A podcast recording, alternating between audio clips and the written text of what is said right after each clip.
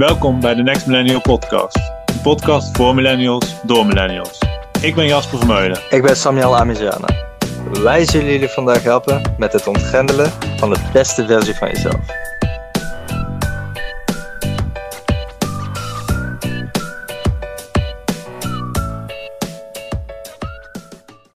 Welkom bij de Next Millennial Podcast. Een podcast over millennials, door millennials, over reizen, zelfontwikkeling en investeren. Deze keer hebben we te gast Charmaine, die een eigen coachingsbedrijf heeft, uh, waarbij ze millennials coacht in het volgen van een minor of studie of stage in het buitenland. Charmaine, kun je wat over jezelf vertellen en je bedrijfje? Ja, zeker. Hi allemaal, uh, ik ben dus Charmaine, ben 22 jaar oud, uh, ben bezig met mijn scriptie voor mijn studie toegepaste psychologie en heb daarnaast mijn eigen bedrijf waarbij ik zoals uh, Jasper zei studentencoach naar het buitenland gaan voor studie of stage.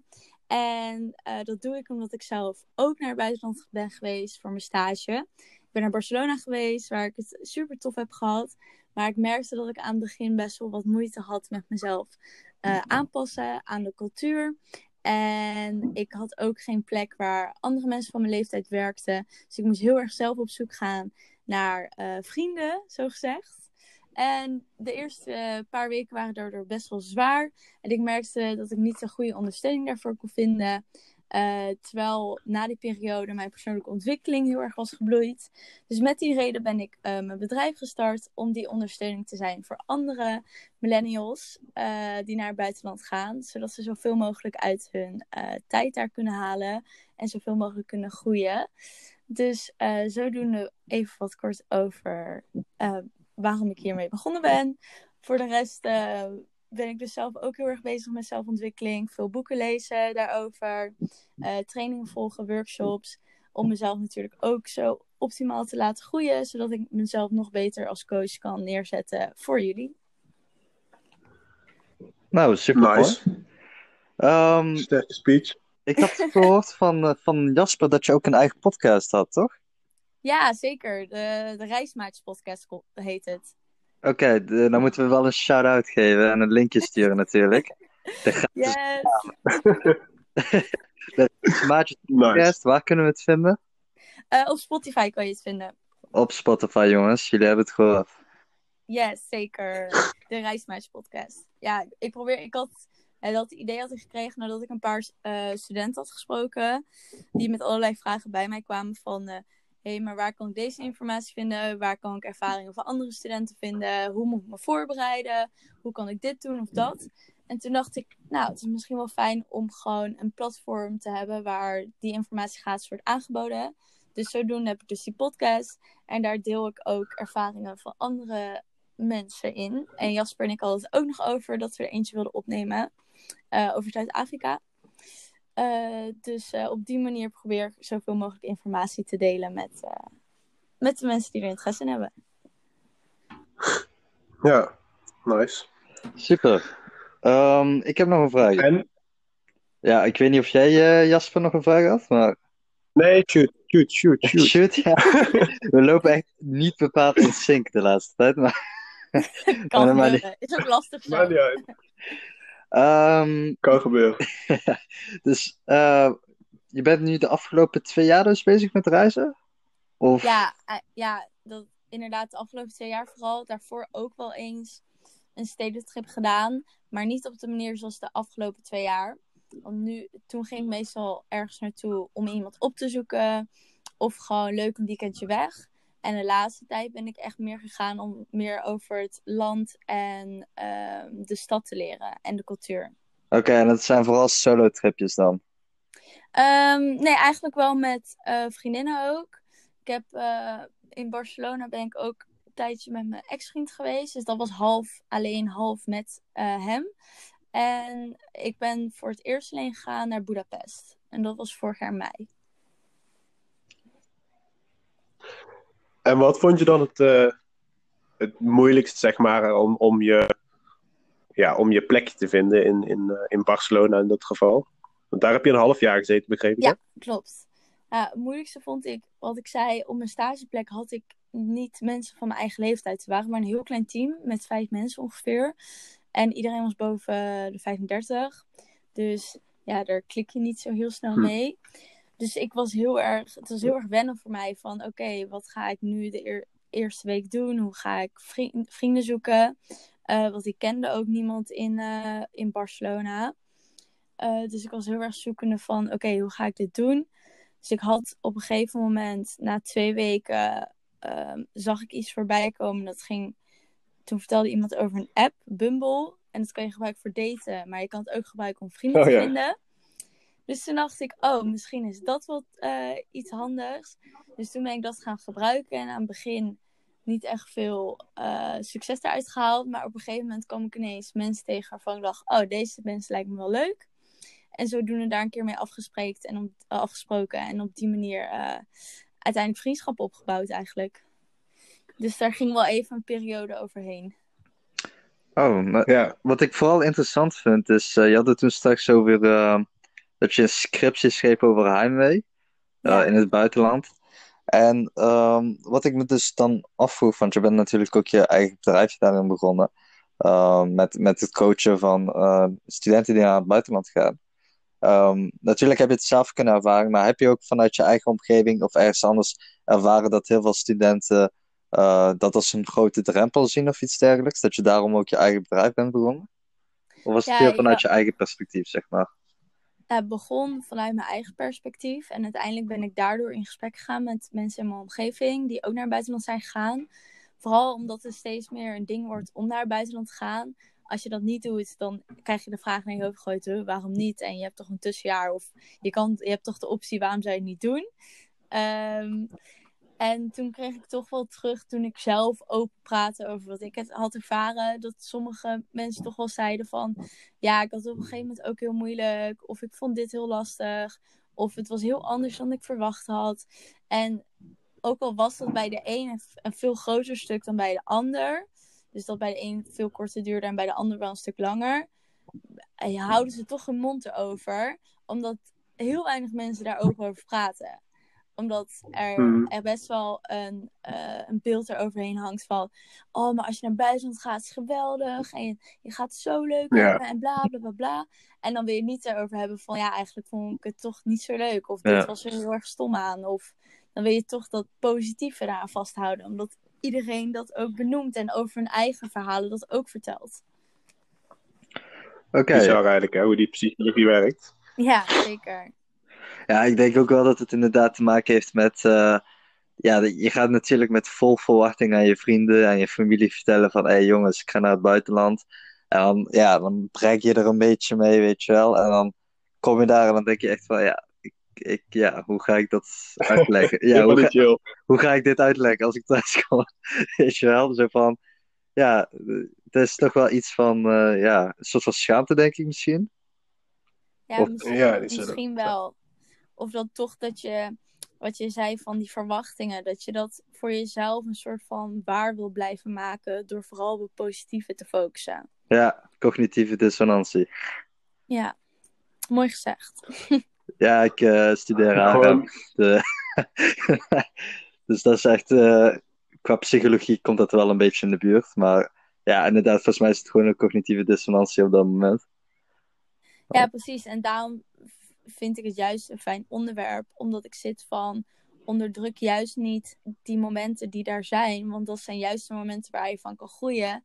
En als je in het buitenland zit, krijg je zoveel nieuwe en onbekende situaties waar je of voor kan kiezen dat je het ontwijkt of het juist volledig aangaat. En wanneer je dat doet, is dit het perfecte moment om ja, uit je comfortzone te gaan, daar te groeien. Want in Nederland zit je zo erg in je eigen bubbel en comfortzone, dat de kans dat zoiets gebeurt best wel klein is vergeleken als je in het buitenland zit.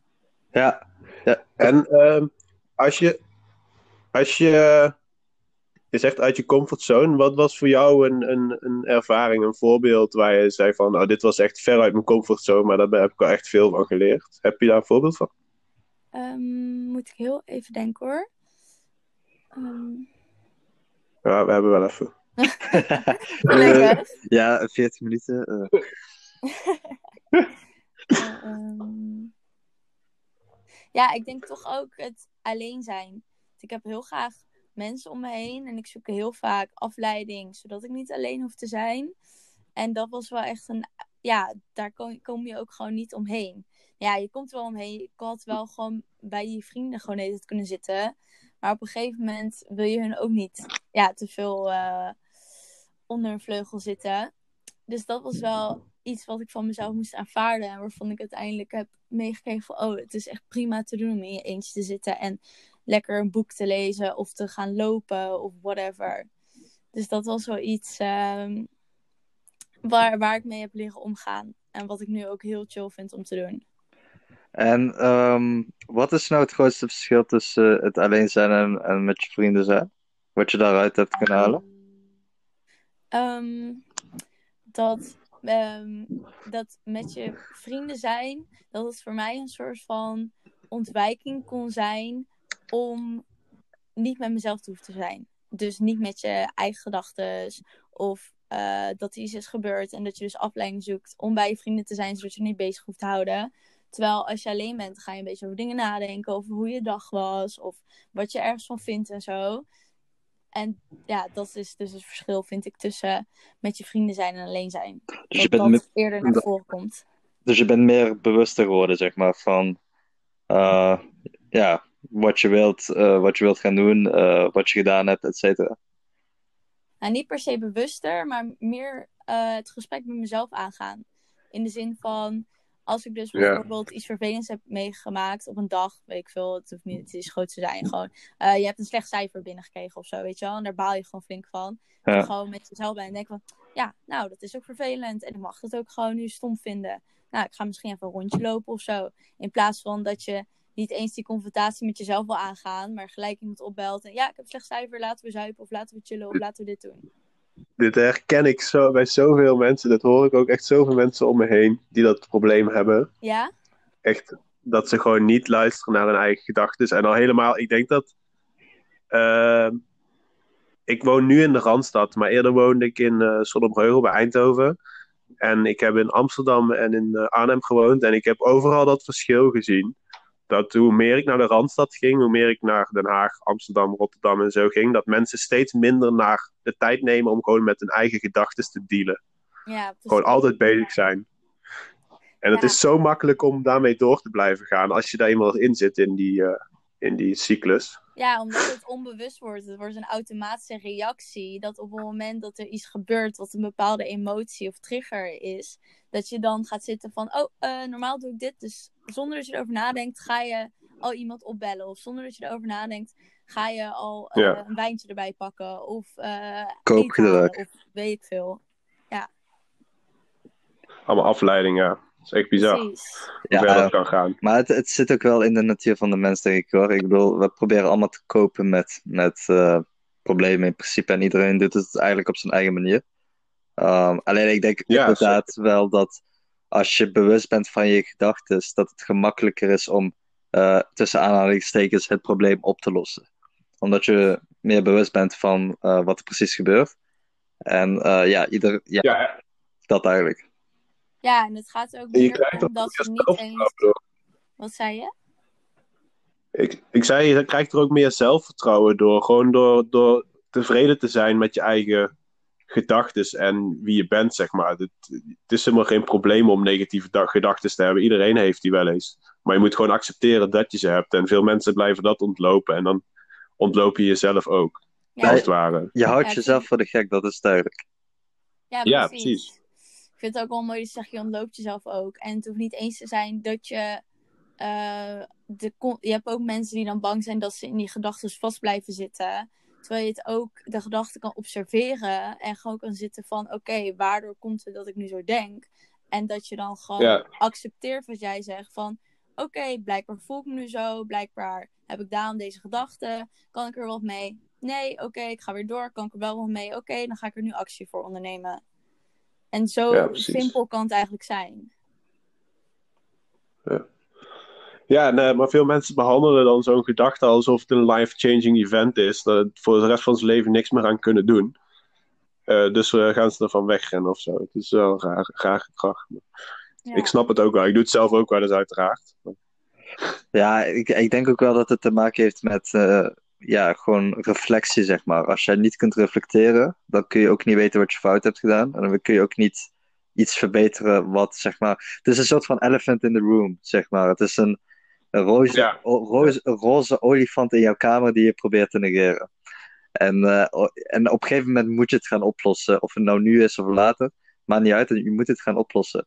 Dus je kunt beter inderdaad gewoon eh, ja, kopen met eh, de gedachte dat het er is. En kijken hoe je het kunt gaan oplossen. En inderdaad, zoals Charmaine dan aangaf. Spreek je trouwens goed uit? Charmaine of Charmaine? Charmaine. Charmaine, oké, oké. Zonder de E. Charmaine. Eh of Char mag ook hoor. Char? Ja, dat mag ook. Oké. Nou, ik, ik, ik- laat ik het formeel houden. Charmaine. Charming. Charmaine. Eh, zoals Charmaine dus inderdaad aangaf, ehm, ja, dat je gewoon bezig blijft met je gedachten en dat je gaat in- identificeren eh, wat die gedachten precies doen. Ja, maar het is ook niet eens dat het altijd hoeft. Hè? Je kan soms ook gewoon accepteren dat die gedachte er is. En dat je er misschien, als het noodzakelijk is, later er nog ook terugkomt. Want je hebt ook mensen die natuurlijk het weer helemaal gaan uitpluizen. Terwijl het ook niet nodig is. Dus gewoon het accepteren van en het laten zijn van. En daar afstand van nemen op een gegeven moment. Ja, en wanneer heb je dat eh, zelf eigenlijk precies geleerd? En voor jezelf toegepast? Mm, nou, ik denk dat het toen vooral is begonnen. En naarmate de tijd krijg je meer kennis. En leerde ik meer. Ik las heel veel boeken, luisterde heel veel podcasts. En uiteindelijk ga je eigen ding ervan maken. En dan ja, ga je dat vanzelf toepassen. Dus het is niet dat ik één moment had waarvan ik zei... Oh, nu wist ik ineens hoe en wat. Het is naarmate de tijd verstrekt en ik me meer in verdiepte. En gewoon meer in persoonlijke ontwikkeling. Ja, Dat ik eh, er iets mee kon doen. daar kan ik me wel wat in is. vinden. eh, Oh, dat is altijd mooi als mensen die overeenstemming hebben. Ja, ja ik, ik, Eh. ik kan me daar wel in vinden als ik bijvoorbeeld boeken lees en, eh, en, en ik lees bepaalde elementen die heel ja, interessant lijken en ik pas het toe dan, en het werkt, dan ga je dat op een gegeven moment ga je dat toevoegen in je eigen, ja, ik noem het je eigen portfolio, zeg maar. Eh, en dan ga je dat gewoon toevoegen, die skillset of die eigenschap. Dat eigenschap. Ja. Eh, Heb je ook een klein momentje altijd als, dat, als het lukt, hè, als het waar blijkt te zijn. ja, en dan, dan weet je van, oh shit, dit is echt een life skill, weet je wel, een life hack. eh, Ja. Weet je wel? En dan ga je dat gewoon toevoegen aan je, aan je eigen skillset, zeg maar. Dus ja, ik kan me daar wel heel goed in vinden. Ja, precies. en mooi. soms ook, wat ik mezelf ook heb aangeleerd, is dat je soms mensen hebt die zeggen: Ja, maar dat weet ik al, of dat heb ik al eens een keer van gehoord, of dat heb ik al een keer gelezen. Ja. Terwijl elke informatie wordt op een andere manier verteld. En juist die herhaling en het op andere manieren horen of lezen, zorgt ervoor dat Ja. je ook je eigen ding ervan kan maken. Of dat je ineens een nieuw inzicht Ja. kan krijgen over iets wat je misschien al tien keer hebt gelezen. Maar dat één persoon het op zo'n manier vertelt, Ja. op zo'n manier schrijft. Dat je denkt, wow, dit resoneert echt met mij. Of, oh, dit is precies Maar- eigenlijk wat ze dus ermee bedoelde. Dat heet eh frame in psychologie, toch?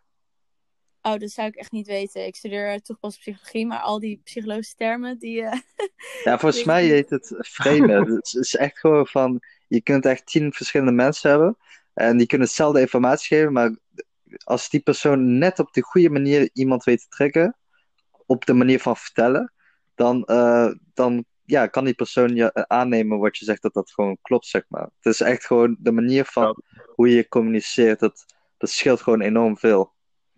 ja, zeker. Terwijl je dat bij andere mensen niet kan dan of zo. Precies. Bijvoorbeeld, ik heb dan een, een tendency dat als iemand tegen mij schreeuwt, ja, dan kun je vertellen wat je wilt, eh, dat gaat er bij mij echt niet in. Dat is bijvoorbeeld een kenmerk van mezelf, weet je wel. Ik weet als iemand tegen mij schreeuwt, ja, je mag schreeuwen wat je wilt, maar dat gaat bij mij niet binnenkomen. Ja, en iedereen heeft ook een andere manier van informatieverwerking. Want ik heb bijvoorbeeld als minor ook nog NLP gedaan. Ik weet niet of jullie dat kennen. Awesome. Ja, zeker. Die staat al lang op mijn lijstje. Oh, Sorry? echt? Ja, NLP. NLP. Neurolinguist- Neurolinguistisch programmeren. Oké, nee, nee, dat zegt me niks. Ja, ik zeg altijd in Jip en Janneke taal eigenlijk gaat het, leer je heel veel over non-verbaal en verbaal gedrag. Dus manier Oké. hoe mensen spreken, wanneer je een coaching met ze hebt, de manier hoe ze praten of hoe ze bewegen, eh, wat dat dan zegt over die persoon, hoe je daarop in kan gaan, hoe je echt de die- diepte kan ingaan en beter met mensen kan connecten. eh, door je woordgebruik of hoe je dus informatie weergeeft.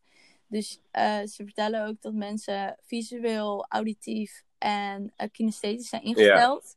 En de een verwerkt dus als eerste de informatie visueel, de ander kinesthetisch en de ander auditief.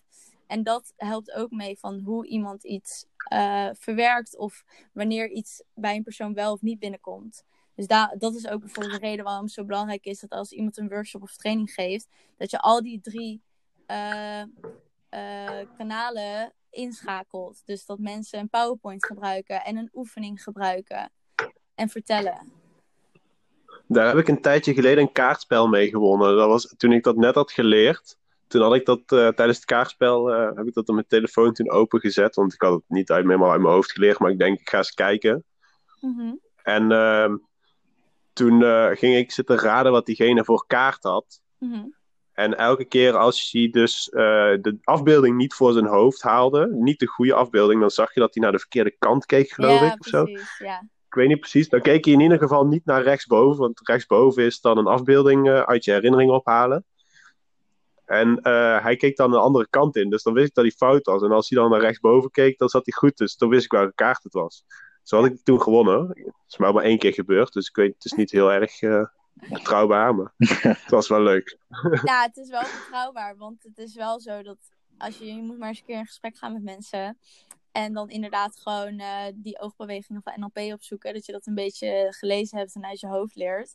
En dan inderdaad gesprek gaan met mensen en vragen, oh, wat heb je gisteren gedaan? En dan kan je zien of iemand visueel is ingesteld, of kinesthetisch of auditief. En als je dat soort dingen Ja. weet, dan kan je beter inspelen, doordat je weet welke woorden je kan gebruiken, waar je het over moet hebben. Dus als iemand visueel is ingesteld, ga je geen auditieve woorden gebruiken. Dan ga je dus visuele eh presentatie klopt. gebruiken. Oeh. Hey, nog, een, nog een ander vraagje. Ja. Heeft al. eh Samuel? Nou, ik wil eraan toevoegen dat, dat dat wel echt gewoon een hele interessante eh, ja, topic lijkt in ieder geval. Want eh, eh, ik weet dat mensenkennis iets is wat, ja, het is een onderwerp, maar ik heb niet het gevoel dat heel veel mensen daarop inspelen. Terwijl ik wel van mening ben dat mensenkennis echt gewoon misschien wel de belangrijkste asset is die je kunt hebben. Omdat je uiteindelijk altijd wel iets doet met een mens. Of dat nou met werk is of, of iets dergelijks. Dus of je nou een relatie hebt of, of familie, noem maar even iets. Je, bent altijd wel met mensen. Dus mensenkennis is daar echt wel essentieel in. Dus dat lijkt me wel echt een super interessant onderwerp eigenlijk. Ja, is het ook. En het kan Ja. jou en de andere persoon gewoon heel goed helpen. Omdat je ook conflicten of frustraties of ruzies kunt voorkomen. Doordat je Ja. beter met iemand in gesprek kan gaan. Je communicatie is gewoon veel beter. En daardoor voorkom je dat je elkaar niet begrijpt. Ja, Zullen we, om, om even terug te gaan naar het reizen. ja. heel wel naar de andere kant toe gegaan. Maar eh, Ja, psychologie vind ik ook heel interessant. Eh, maar daar kunnen we misschien later nog een keer een eh, aflevering of zo over doen. Ehm, jij, zei, eh, jij zei iets over boeken, Charmaine. Welk, welk nummer één boek raad je aan voor, eh, voor andere millennials om te lezen als ze op reis gaan? Ehm, als we op reis gaan. Daar moet ik even over nadenken hoor. ah, we hebben nog 20 minuten. Op, eh, ja, het tijd- eerste tijd- wat eerlijk gezegd dat in me opkomt is Think and Grow Rich. Maar dat is niet per se gefocust op als je op reis gaat, dan moet je dit boek lezen. Nee. Eh, maar het is wel heel erg gefocust niet op. eh, het, de titel zegt wel Think and Grow Rich. En daardoor denken mensen dat het gaat over hoe je rijkdom kan verwerven. Maar het gaat heel erg over hoe je een rijk, rijke mindset kan ontwikkelen. Ja. En dat kan misschien wel helpen over eh, hoe je bepaalde situaties kan aanpakken als je dan in het buitenland zit en uit je comfortzone wordt geputcht. En voor de rest heb je Ja. wel echt ook genoeg boeken gericht op eh, een tussenjaar of een studie of stage in het buitenland. Ik had ook laatst met Sarah van Geloven een gesprek en zij heeft ook recent een boek uitgebracht. Dat is voor mensen die naar het buitenland gaan voor langere tijd. Eh, ook eh, ervaringen van andere mensen staan erin. Dus sowieso kan ik aanraden. Ik heb het zelf niet gelezen. Maar dat kan echt nog wel een handig boek zijn. Eh, ja, voor de rest heb ik eigenlijk heel veel gewoon gelezen over persoonlijke ontwikkeling. Omdat da- ja, in het buitenland echt mijn doorbraak daarin was om daarmee te beginnen. ja. En heb, heb je, Je ook moet, zelf... eh, Sorry? Ga me zeggen, zeg maar dit. Je, je moet uh, Tomislav Perko maar eens opzoeken. Die zal ik nog wel eens doorsturen eh, via WhatsApp. Die is echt... Uh, die maakt reizen zo behapbaar en, en grappig en leuk. Oh, het is nice. echt... Uh, en hij Ja, heeft de hele wereld over gereisd. eh, door te liften. En eh, ja, die, die man is echt bizar. Als er iemand eh, een kunst heeft gemaakt van reizen, is hij het. Oh, heel nice. Je Ja, stuur zeker maar door. Ik denk dat het voor de luisteraars ook leuk is als dat in de, in de show notes wordt gezet. je Ja, hebt wel doe echt enorm veel boeken gelezen, jij, hè? Ik? Nee, Jasper. Oh, Ja, zeker, zeker twee. nee. Dat jij, volgens mij heb je echt alle onderwerpen gehad. Ik heb wel een aardig repertoire, ja. Waar, zit- waar zit je aantal nu op? Eh, weet ik niet. Ik heb de laatste tijd niet zo heel veel extra gelezen, want ik ben een een of andere Russische dikke pil begonnen. eh, van Tolstoy, een hele oude klassieker. En daar ben ik echt al twee jaar mee bezig. Alleen nu probeer ik hem iets verder door te komen in, in deze turbulente coronatijden. ja, genoeg eh, tijd voor. Ja, precies. Ja, dat corona Dat. in verband met reizen is natuurlijk ook wel moeilijk nu. Ja, ik probeer nu ook heel erg ehm, mensen die vastzitten in het buitenland een hart onder de riem te steken. Door gewoon nu video's en posten te plaatsen op Instagram en op LinkedIn. Over wat je kan doen en waar je hulp kan vragen en hoe je up-to-date kan blijven. Ehm, en hoe je je tijd er kan besteden. En ook, ja, ik zag net nog op het nieuws dat er dus 200.000 Nederlanders vastzitten in het buitenland.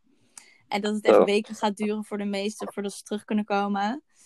Dus het is eh, ja, gewoon denk ik heel fijn om in contact te komen met die mensen en kijken wat ze voor elkaar kunnen betekenen. En of ze met elkaar in contact kunnen worden gebracht, zodat ze elkaar tips kunnen geven of ja, elkaar een eh, helpende hand kunnen aanbieden. En dan doe je dat dan met eh, Skype calls of zo? Of, of hoe doe je dat dan? Ja, via Zoom. Oh, Zoom, ja. ja. En dan eh, geef je ze gewoon tips via face-to-face, maar dan via Ja, gewoon- dan. Ja, gewoon kijken waar sta je nu, Eh, hoe is de situatie, wat vind je het meest vervelende eraan, Eh wat zou je graag willen, hoe kunnen we zoveel mogelijk ervoor zorgen dat de dingen die je graag wilt, dat je die daar ook kan doen. Zo als je bijvoorbeeld je familie en zo mist, dan ja, is het toch de enige mogelijkheid om elke dag met ze te facetimen of zo, of spelletjes te spelen via facetime. Dat is niet hetzelfde, maar toch een beetje dat gemis een beetje verzakken. Ja, En wat vind je nu dan een. eh, wat vind je dan nu een hele mooie ervaring die je al hebt gehad met eh, een van die studenten? Of een, een, sinds dat je je bedrijf bent gestart met anderen? Ehm, Ben ik wel benieuwd. je bedoelt gewoon in mijn bedrijf zelf? Ja, dat je, dat je zo'n gesprek hebt gehad met, eh, met mensen die op reis gaan of op reis zijn. En dat je daar een gesprek mee hebt gehad eh, waarvan je dacht van... eh oh, zo had ik er nog nooit tegen aangekeken. Of eh, daar heb ik weer veel van geleerd. Of, Ja, of iemand die gewoon een heel bizar verhaal heeft. Nou, het was niet eens iemand eh, waarmee ik heb gecoacht, maar iemand die ik tegenkwam op een presentatie. En hij had ook wel echt. Hoe oud? Hij is net zo oud als ons. Dus volgens mij 22, 23 of zo. En hij reist al sinds dat hij 16, 17 is.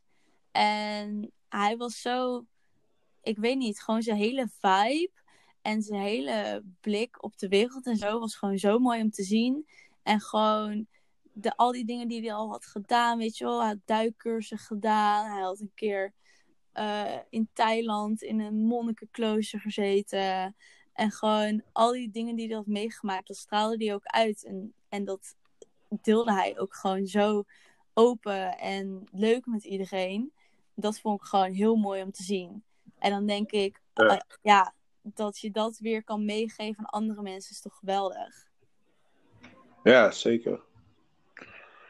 Nou, ik, denk wel Ja, dat het eh, super mooi is. Dat, eh, dat je straks, eh, ja, dan ben je wat ouder, eh, weet ik veel. Ik, ik heb geen idee of je plan hebt om een gezin te hebben of iets dergelijks. Maar dat je zeg maar een soort van gesetteld bent. En dat je eigenlijk in de primetime van je leven gewoon de hele wereld hebt kunnen langsgaan. En dat je gewoon, eh, ja, gewoon zoveel eruit geperst hebt om deze kleine aardbol, zeg maar, te kunnen eh, ja, ontdekken, zeg maar. Want we zien bijna alles op, via tv en op tv. En, en eh, ja, dat is allemaal leuk en aardig. Maar het daadwerkelijk bezoeken is natuurlijk ook wel iets wat, wat niemand van je kan ontnemen. Nee, zeker niet. En daarom is het gewoon, je kan er zoveel uithalen en zoveel van groeien. En het is gewoon fijn als je weet dat, ja, of dat je die ervaring met anderen kan delen, of dat je met iemand daarover kan praten als het toch even in, uh, tegen zit. Uh, zodat je gewoon kan vasthouden aan die herinnering en die ervaring. Ja, en ik denk ook dat je. Heel veel mensen zijn best wel uh, vooringenomen, biased over wat er in een land is en gebeurt. En ze hebben allemaal al zo'n goed idee over hoe alles overal werkt in landen aan de hand van het nieuws en National Geographic en Discovery en zo. Ja. Maar uh, als je er eenmaal bent, dan, uh, dan, dan merk je daar helemaal niks van. Dan is het compleet anders. Er zijn echt gewoon. Ja, wat was een tijdje geleden ook alweer? Uh, een vriend van mij woont in Jakarta. volgens mij was hij dat. En oh ja, toen waren die overstromingen daar allemaal. En hij woont in Jakarta. En hij had niks van die overstromingen meegekregen. Terwijl hier op het nieuws wordt gezegd dat de hele stad in rep en roer is en alles onder water staat. Hij zo, ja, zie je vrij weinig aan de hand. ja, het grappige is dat, hè. Maar dat is ook gewoon de media. Die bepaalt wat wij zien en hoe we dingen meekrijgen. Hetzelfde nu met het virus. Ja. Ik, aan het begin dacht ik echt, wat een paniekzaaierij. Doe eens rustig, joh. Er is toch niet zoveel aan de hand. Nou, nu is dat in een ja. week ineens heel erg omgedraaid. Maar het wordt zoveel groter gemaakt en zoveel heftiger. Ja. Ik kom bijvoorbeeld ook bij mijn opa en oma en die kijken wel vier keer op een dag nieuws. En ja. die krijgen dan zo'n beperkt beeld van de wereld. Ja. Dus daarom, ik ontwijk niet per se het nieuws, maar ik probeer wel zo min mogelijk nieuws te kijken. Omdat ik toch weet dat als iets belangrijks is, krijg ik het toch wel in, in mijn huis mee. Dan hebben ze het ja, toch precies wel hetzelfde. Maar dan heb precies niet het beeld van dit gebeurt er in dat eh, ontwikkelingsland en dat gebeurt er in Amerika en dit gebeurt er hier, weet je al. Dat Ik heb, ook het gevoel, ik heb het ook, ook het gevoel dat we echt gewoon helemaal volgepompt worden met informatie. Dat we gewoon niet meer weten welke informatie klopt of eh, niet klopt. Ja, precies, weet je wel. Want Ja. ja. wat ik zei, de media bepaalt wat we zien en dat hoeft niet te kloppen. Want je hebt ook vaak genoeg dat mensen tegengas geven en zeggen, maar dit is niet het verhaal, het zit zo en zo. En ze hebben het groter gemaakt dan dat het is. Of ze hebben dit deel eruit Ja. gepakt, terwijl ik dit ook heb gezegd. Daarom volg ik eh, Al Jazeera nou ook heel erg.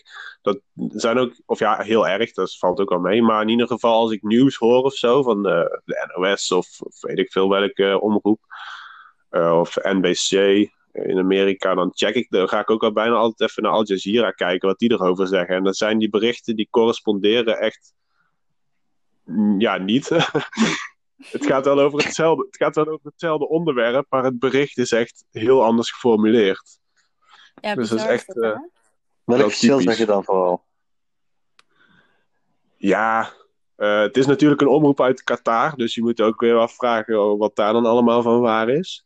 Maar ik, je ziet gewoon heel erg het verschil in de berichten waar ze op focussen en eh, wie ze zeggen dat iets heeft gedaan en waarom.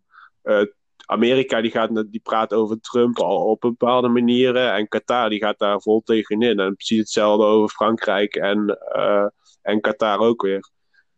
Ze, ze, ze- ja, het komt niet overeen wat ze zeggen, niet altijd. Ja, Er is de manier uiteraard wel gevallen tussen. Ja, dat is, dat is natuurlijk ook weer een ding van, ja, technisch gezien kunnen ze misschien wel gelijk hebben, maar dan laat je één kant van het verhaal zien en de andere nieuws een Ja, andere precies. Ja. Ze kunnen, ze kunnen gerust allebei gelijk hebben, inderdaad. Maar ze laten niet... eh, ze behalen informatie eruit of zo. Ja. Ja, ja, Ik heb ja. dat met mijn ook gehad. Toen het eerste project hadden gerealiseerd... Toen werd, eh, toen werd een nieuwsbericht samengesteld. En ik was het daar helemaal niet mee eens. Eh, hoe het uiteindelijk werd geformuleerd. Toen ben ik ook echt boos geworden. Maar uiteindelijk was er, was er helemaal niks... eh, Ja, de pers die, die, die, die werkt gewoon zo. Die, die, die halen bepaalde dingen eruit en die gebruiken bepaalde berichten. En andere laten ze weg. En eh, voor, mij, voor jouw gevoel wordt het bericht dan heel anders gepubliceerd dan het is. Maar ja, Ja, maar dat- is toch ook dat, eh, toevallig, ja, nu we het toch over hebben, die jongen die geloof ik in Spanje is overleden, hij was 21, eh, aan de corona. Ja, dan, dan wordt dat zeg maar echt overal in het nieuws neergezet. En wat blijkt, wat blijkt het dus? Ja, die gast had al leukemie. Eh, Ja. ja, dat, Ja. dat- ja, ik- Echt? ja, dit is echt gewoon. Zoek maar op. Echt overal in het nieuws staat die jongen is overleden, 21 jaar oud. En het werd, werd gewoon overal, ja, in de afgelopen dagen in het nieuws eh, neergezet. Maar ja, die jongen had gewoon leukemie. En ja, dat Ja. is iets wat niet in de headlights gaat staan, weet je wel. Nee, precies. omdat en dan dan is dat- het geen tussen haakjes interessant verhaal in deze tijd. Precies. En ik vind het, ik vind het wel knap dat, ja, ja, ik heb dat sowieso dat ik heel erg kritisch denk.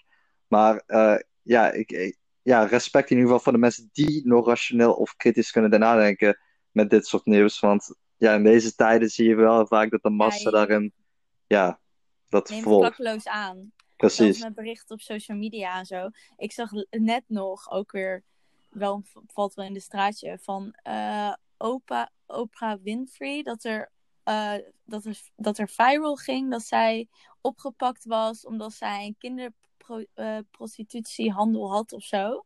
Nou, het ging helemaal viral. En toen had zij ook gereageerd met: Yo, dit is echt gewoon niet waar. Ik weet niet wanneer dit is gestart, maar ik heb dit niet gedaan. Ik ben niet gearresteerd. Niks aan de hand. Ik ben thuis me aan het isoleren voor corona. Dus.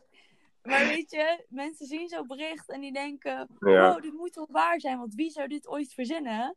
En zo gaat het eens dan gewoon lopende band, wordt dat bericht gewoon verspreid. Ja. Oké, ja. Ja, nou ja, het is, het, in ieder geval, je moet in zulke tijden moet je altijd kritisch kunnen nadenken. En eh, ja, goed, ik, zeker. En gewoon Niet alles klakkeloos aannemen. Ja, precies. Ja. En zo, eigenlijk zo min mogelijk het nieuws kijken. Alleen als het echt, echt nodig is of zo. Waarvan je denkt, oh, ik wil er graag wat over weten. Ja. Dus dat je gewoon niet te veel foutieve informatie eh, binnenkrijgt. No Ik heb fake dat- nieuws. ik, ik heb dat echt oprecht, wat je nu zegt, heb ik echt met politiek. Je hebt echt zoveel mensen die zich druk maken over de politiek. En, dat ik, en die hebben ook een bepaalde zwart-wit, hè, van eh, ja, ik ben echt links, ik ben rechts. En eh, oh ja, die kutpolitiek, eh, bla bla bla. En maken zich daar echt zo druk om. En ik heb zoiets van, ja, maar wat ze doen, gaan ze toch doen. Dus eh, ja, het, het boeit mij niet zoveel. Ik doe gewoon mijn eigen ding. En eh, ja, als ze het gaan invoeren, voeren ze iets in. Ja, zeg maar, ik heb er geen invloed in. Ja? Ik kan wel doen alsof ik. Ik kan discussies voeren met mensen. Ik kan ruzie maken met mensen over partijen. Maar ik, ik zit er niet in. Het boeit mij niet. Die mensen doen toch wat ze willen. Eh, ja, het verandert gewoon niks. Ik heb een beetje het gevoel dat dat soms is omdat politiek best wel een int- interessant onderwerp is om over te praten. En dat mensen dan het gevoel hebben dat ze intelligenter misschien Ja, beschouwd worden. ja. Dat ze zich heel erg bezighouden Dat. met... Ik ben bezig met Nederland, ik ben bezig waar we naartoe gaan als land, wat er, welke beslissingen er worden genomen. En dat willen ze graag laten zien. Ja, maar dan moet, ze, dan moet ze naar een partij gaan. Dan moet ze niet ruzie gaan lopen zoeken in cafés met mensen, bij wijze van spreken, met... eh, eh, ja, nee, ik heb gelijk, daarom... Nee, jij hebt niet gelijk, bla, bla, bla. Gast, ga werken. Doe iets met je leven. Ja, precies. Doe iets Breng met je het op een leven. Ga- normale Even- manier en niet met de indruk van ik wil laten zien hoe goed ik ben, maar meer van hé, hey, ik wil jou wat bijbrengen op een manier zodat we hier een goed gesprek over kunnen hebben. Of omdat jij er ook wat aan hebt. Ja, Ja. ik zeg altijd, als je een discussie hebt, eh 9 van de 10 keer, dan je, je, je gaat niet ervoor zorgen dat die andere persoon eh, eh, opeens voor jouw kant gaat kiezen. Dat, dat gaat niet gebeuren. Wat je wel kunt hebben, is inderdaad dat je inzicht kunt geven. Maar ja, goed. Eh, mensen die ruzie maken over politiek, eh, die neem ik sowieso niet serieus. Ja, die en vooral in een café, als je lekker biertjes wilt drinken, dan hoef ik echt niet daar een discussie over te voeren. Ach Hey, ja. eh, Dame, dame en heer, ik heb nog een laatste vraagje aan, eh, jou, aan jou, Charmaine. En eh, misschien Yes. dat Samuel hem ook wel leuk vindt om te beantwoorden. Wat is jullie eh, droomreis? Ah, ik wilde die ook al vragen. nice. Ehm, Mijn droomreis. Eh, ik wil eigenlijk, ja, heel cliché. Ik wil heel graag naar, eh, naar Azië eigenlijk, naar Thailand. En vooral om de, of eh, naar Bali, dus Thailand of Bali. Omdat Ja. ik eh, heel erg into het spirituele ook ben. En daar zijn gewoon heel veel dingen die je daar kan doen qua cursussen, opleidingen en gewoon meer mensen die daarmee bezig zijn. En waarom niet India dan? Ehm, ja, ik heb niet echt. India trekt me niet per se. Ik heb daar een bepaald beeld bij. ehm, waarvan ik denk dat is nog niet echt voor mij nu bestemd. Oké. Ik, ik heb een soort van idee dat dat de next level is. Omdat het daar ook echt, voor mijn gevoel, echt is, ja, meestal echt vandaan komt. En ik heb het gevoel dat Thailand en Bali nog laagdrempeliger zijn. Ook omdat daar veel toeristen naartoe worden getrokken. Ja. Dus dat dat een soort goede eerste kennismaking is. ja, logisch. En wanneer ben je van plan om die reis te maken hoor? Heb je een beeld daarbij voor wanneer? Na je studie misschien. Ja, ik wil dus. Ja, ik was eerst dus eigenlijk in juni klaar. Dus ik wilde naar de zomervakantie doen. Maar nu ga ik tot februari doorstuderen. En daarna NLP-master nog doen. Dus ik denk dat het pas eind volgend jaar of zo wordt. Oké, want volgens mij is Thailand wel echt spotgoedkoop, of niet? Ja, ja te vliegen, vliegen is wel duur, maar daar leven is echt super goedkoop. Want ja, best wel veel mensen gaan de laatste tijd naartoe. Dus ik heb wel gehoord mensen die daar zijn gereisd en door Vi- Vietnam en zo. En dat zij echt 2000, eu- met 2000 euro twee maanden of drie maanden konden reizen. Zo, met 2000? Ja, Dat is wel dus dat, sick. eh, ja, maar dan heb je ook echt mensen die ook wel echt voor de goedkopere dingen gingen. Dus ik denk dat als je een paar honderd euro of duizend euro meer hebt, dat je zelfs dan de luxere variant kan doen. In de zin van luxere hotels of hostels of Ja. een keer een Airbnb, weet je wel, een villa. Dus je Ik heb in, veel eh, speelruimte hebt. Ik heb in Canada vijf weken rondgereisd voor 1000 euro. Echt. Was ook wel, dat was ook wel heftig. Ja, Oh, Met daar wilde 1000 ik ook Zo graag naartoe dit jaar. ja. Ja, ja dat, dat, dat was dus eh, hetgeen wat ik wilde opnoemen. Eh, Canada inderdaad. Eh, ik heb wel echt wel een, een stiekem een, een droom dat ik daar ooit kan gaan wonen, zeg maar. Dat is wel echt een Oh, droom nice. voor mij. Waar in Oh, Canada? Heel tof. Eh, Montreal, Vancouver. ehm, Nou, Montreal is mooi. lijkt me echt. Ja, dat lijkt me echt zo super dik als je daar kunt wonen, zeg maar. Maar het is Ja, wel die echt. omgeving lijkt me zo mooi. Maar ook Ja. gewoon de vibes daar zo. En het is zeg maar een beetje Amerika, maar dan rustiger, weet je wel. Het is niet zo. Ja, ik weet niet. Canada Mensen heeft- zijn zo vriendelijk, joh. Dat is niet normaal. Ja, ja, Ik ja, stond ja, gewoon- daar komt ook. Ik stond gewoon op mijn telefoon op Google Maps te kijken. En er kwamen gewoon binnen, binnen, en binnen een minuut komen er mensen naar je toe. hey, kunnen we je helpen? Ben je op zoek naar iets? Ja. Oké. Cute.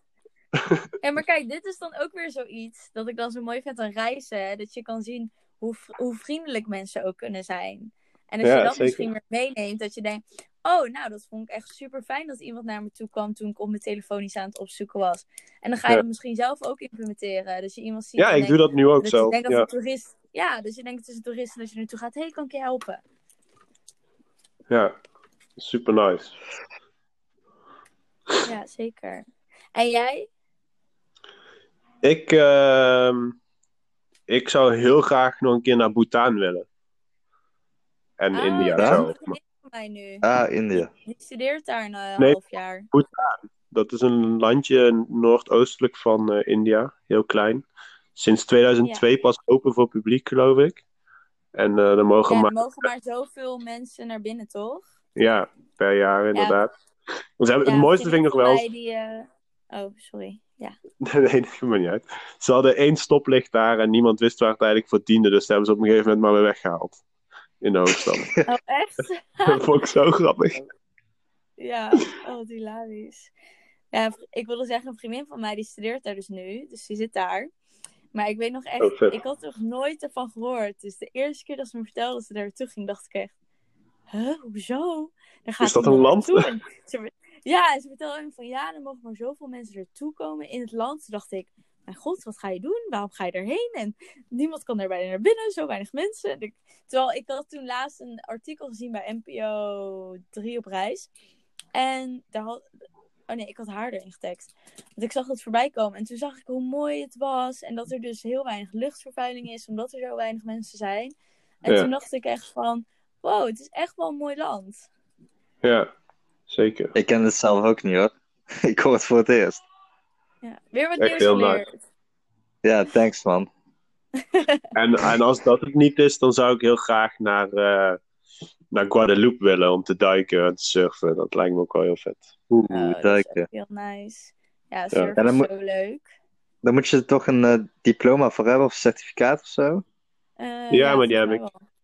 Oh, die heb je. Ja. Oh, nice. Ja. En eh, is, dat, is dat moeilijk zoiets? Zeg maar, Ja, is dat duur? Oh ja, het is wel duur, dat wel. Eh, ik heb niet. eh, eh, ik ben er niet belachelijk goed in of zo. Maar ik vind het niet super moeilijk. Het, is, het moeilijkste vind ik wel om je adem onder controle te houden. Hm. Ik had. eh, ehm, ja, je moet gewoon rustig blijven ademen. Terwijl je in één keer wel op een hele andere manier moet ademen dan normaal. En, Ja. en je, je kunt best wel wat druk ervaren. Je, je- niet een alsof je in een hele kleine ruimte zit, voelt het een beetje. Ik ben niet claustrofobisch, maar je, krijgt, je voelt wel die druk zeg maar, van alle kanten. En daardoor Ja. ben je- word je wel een- kun je wel door nervositeit wat sneller gaan ademen. En dat moet je juist niet doen, want dan ben je binnen een kwartier door je lucht heen. Dan kun je weer naar boven. Oh ja. Ja, man, dat, dat lijkt me... te- Ik ben best wel claustrofobisch, dus ik denk dat het voor mij echt niet zou werken. Nee, Nee, dat lijkt me geen goed idee. het hoor niet. Nee. Ja. Maar het is wel echt een van de mooiste eh, dingen die er is. Ook een van de redenen waarom ik zelf met Blue Habitats ben gestart. Ik wil heel graag dat ik voor mijn eigen bedrijf uiteindelijk kan gaan duiken. Oh, nice. Ja, ik heb dat één keer gedaan in Egypte. Toen mocht ik voor 10 minuten proefduiken. En eh, ik vond het ook echt doodeng, maar het was zo mooi. Ja, vooral in Egypte. Ja, het is echt. eh, ja, we hebben ook nog met een zeekoe en zo daar gezwommen. Dus het was best wel, eh, best wel lachen daar. Intens. Nice. Ja. Zeker. Goed. Nou, Willen jullie nog iets kwijt? ehm, Laat hem afsluiten zo meteen. Ja, nee, eigenlijk Ja. niet. Ik eh, hoop dat we misschien nog een keer een gesprek over iets anders kunnen hebben. Ik weet even niet meer, we hadden het over iets in, in, in de podcast. En toen zei je, oh, daar kunnen we het ook nog wel over hebben. Oh, psychologie in het geheel. Ik dacht iets specifiek van psychologie. Oh ja, over NLP en zo. Ja. Dat is ook een keer leuk om het over te hebben. Dus mochten jullie daar interesse in hebben, luisteraars, let us know. En Ja. ja, ja voor de rest wil ik eh, meegeven aan de rest van sterkte in de situatie met het virus. Hou de positieve vibes erin zolang het kan. En hopelijk kunnen we snel weer reizen. Dus eh, dat eigenlijk. Ja, neem even eh, ja, de opportunity om je Instagram te promoten. Oh, mijn Instagram is Ja, dat moet ook gebeuren, hè? Zeker. Dus Char, C-H-A-R. En dan een S en dan coaching. Dus eh Charles Coaching, jongens. Charles Coaching. We gaan het allemaal volgen, jongens. Dat moet wel. Nice. En de podcast natuurlijk. Ik, ik vond het super leuk, Charmaine, dat je er was. Ja. Ja, thanks. Ik vond het ook heel leuk met jullie. Goede gesprekken. En Ja. ja. ja, fijn om hierover te praten. Ook wel een keer wat anders. Reizen. Dat, eh, dat is ook wel iets wat ik... eh, wat niet echt mijn niche is of zo. Maar ik vond het wel super interessant hoe jij daarin staat met het coachen. En je ervaring natuurlijk. Dus eh, daar wil ik je wel, wel voor bedanken dat je in ieder geval de tijd daarvoor vrijmaakte. Ja, tuurlijk. Geen Ja. probleem. Jij ook bedankt voor de lieve woorden. Ja, super tof. Oh. Ehm, Deze man. Oké, jongens. Ehm, we gaan de podcast denk ik afsluiten. Eh, heb je nog iets toe Ja. te voegen, Jasper? Ik niet, eh, behalve volg ons op Instagram, de Next Millennial Podcast. Als je vragen hebt, kun je een mailtje sturen. Of eh, een DM in eh, Instagram. En ehm, ja, alle, andere podcastplatforms zoals Google, Stitcher. We zitten overal. Ja, wat was onze podcast? Of eh, Instagram was The Next Millennial natuurlijk, hè? Ja, ik zal eens even kijken. We weten de eigen Instagram niet eens, man. Man, man, man. Next Millennial. Cast. Next The Millennial Next Cast. Millennial Cast. Dat was hem. Ja, wij, wij zetten er nog niet zoveel berichten op, maar daar wordt aan gewerkt. Ja, ja, ja. We moeten nog iemand aannemen voor het social media account. Ja, daar zijn wij allebei niet heel actief mee. Zouden we eigenlijk wel moeten doen. Maar dat eh, gaan Dus we eh, oppakken. ik hoor dat dit een oproepje is aan de luisteraars. Of ze, of ze jullie Instagram willen... Ja, Hey, ja. Ik heb... hey, dat is een eh, e- enorm goede opmerking. Wauw, daar heb ik zo over nagedacht. Hey, nou jongens, eh, jullie hebben het gehoord. Als je ervaring hebt met social media accounts beheren, stuur je cv en motivatiebrief. Maar, wat is dat e-mail? Oké. Dank jullie allemaal voor het luisteren. En Charmaine nogmaals dank voor het komen. Samuel dank voor de goede vragen en de, gezels en de gezelligheid. En Charmaine natuurlijk ook. En eh, tot de volgende keer. Wacht, ik ben weggevallen of niet? Nee? Maar dat is Oh, wel ik een leuke toevoeging aan het einde nog. Eh, Oké, nou ja, ik, ik zei dus, eh, stuur je cv, maar je cv moet naar Oh. een e-mail. Welke e-mail? Oh, de Next Millennial Podcast at gmail.com. Kijk, dat was hem. Nu gaan we hem afsluiten. Ja. Fijne avond. Tot ziens. Rollator. Tot ziens. Houdoe.